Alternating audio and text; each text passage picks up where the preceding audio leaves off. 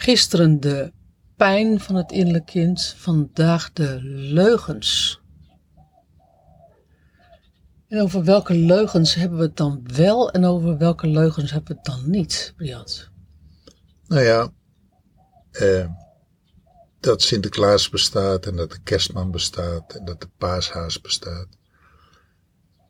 Dat soort leugens, daar hebben we het niet over. En dat je er dan ineens achter, op, op, op een bepaalde leeftijd achterkomt dat ze niet bestaan? Ja, kijk, dat je als kind uh, belazerd bent, ja, vaak zat. Wel een groot woord, hè, belazerd. Nou ja, het is natuurlijk hoe je het ook went of keert. Het is natuurlijk een leuk kinderfeest, maar je bent wel belazerd. En, en, en eigenlijk gaat het over de leugens die jij hebt leren geloven over jezelf. Door toedoen van een ander. Je ouders, je leraren.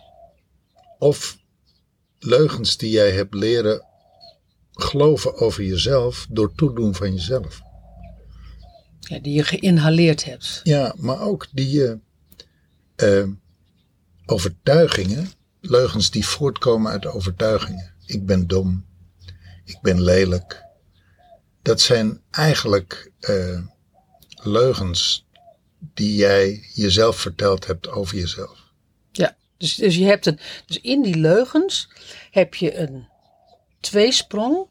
Eén is van anderen hebben het jou verteld. En de andere is, jij hebt, jij hebt het jezelf verteld. Klopt. Over die leugens, daar gaan we vandaag Precies. mee werken. En dat doen we net zoals we dat gedaan hebben in deel 1, de pijn van het innerlijk kind. Door je innerlijk kind te ontmoeten.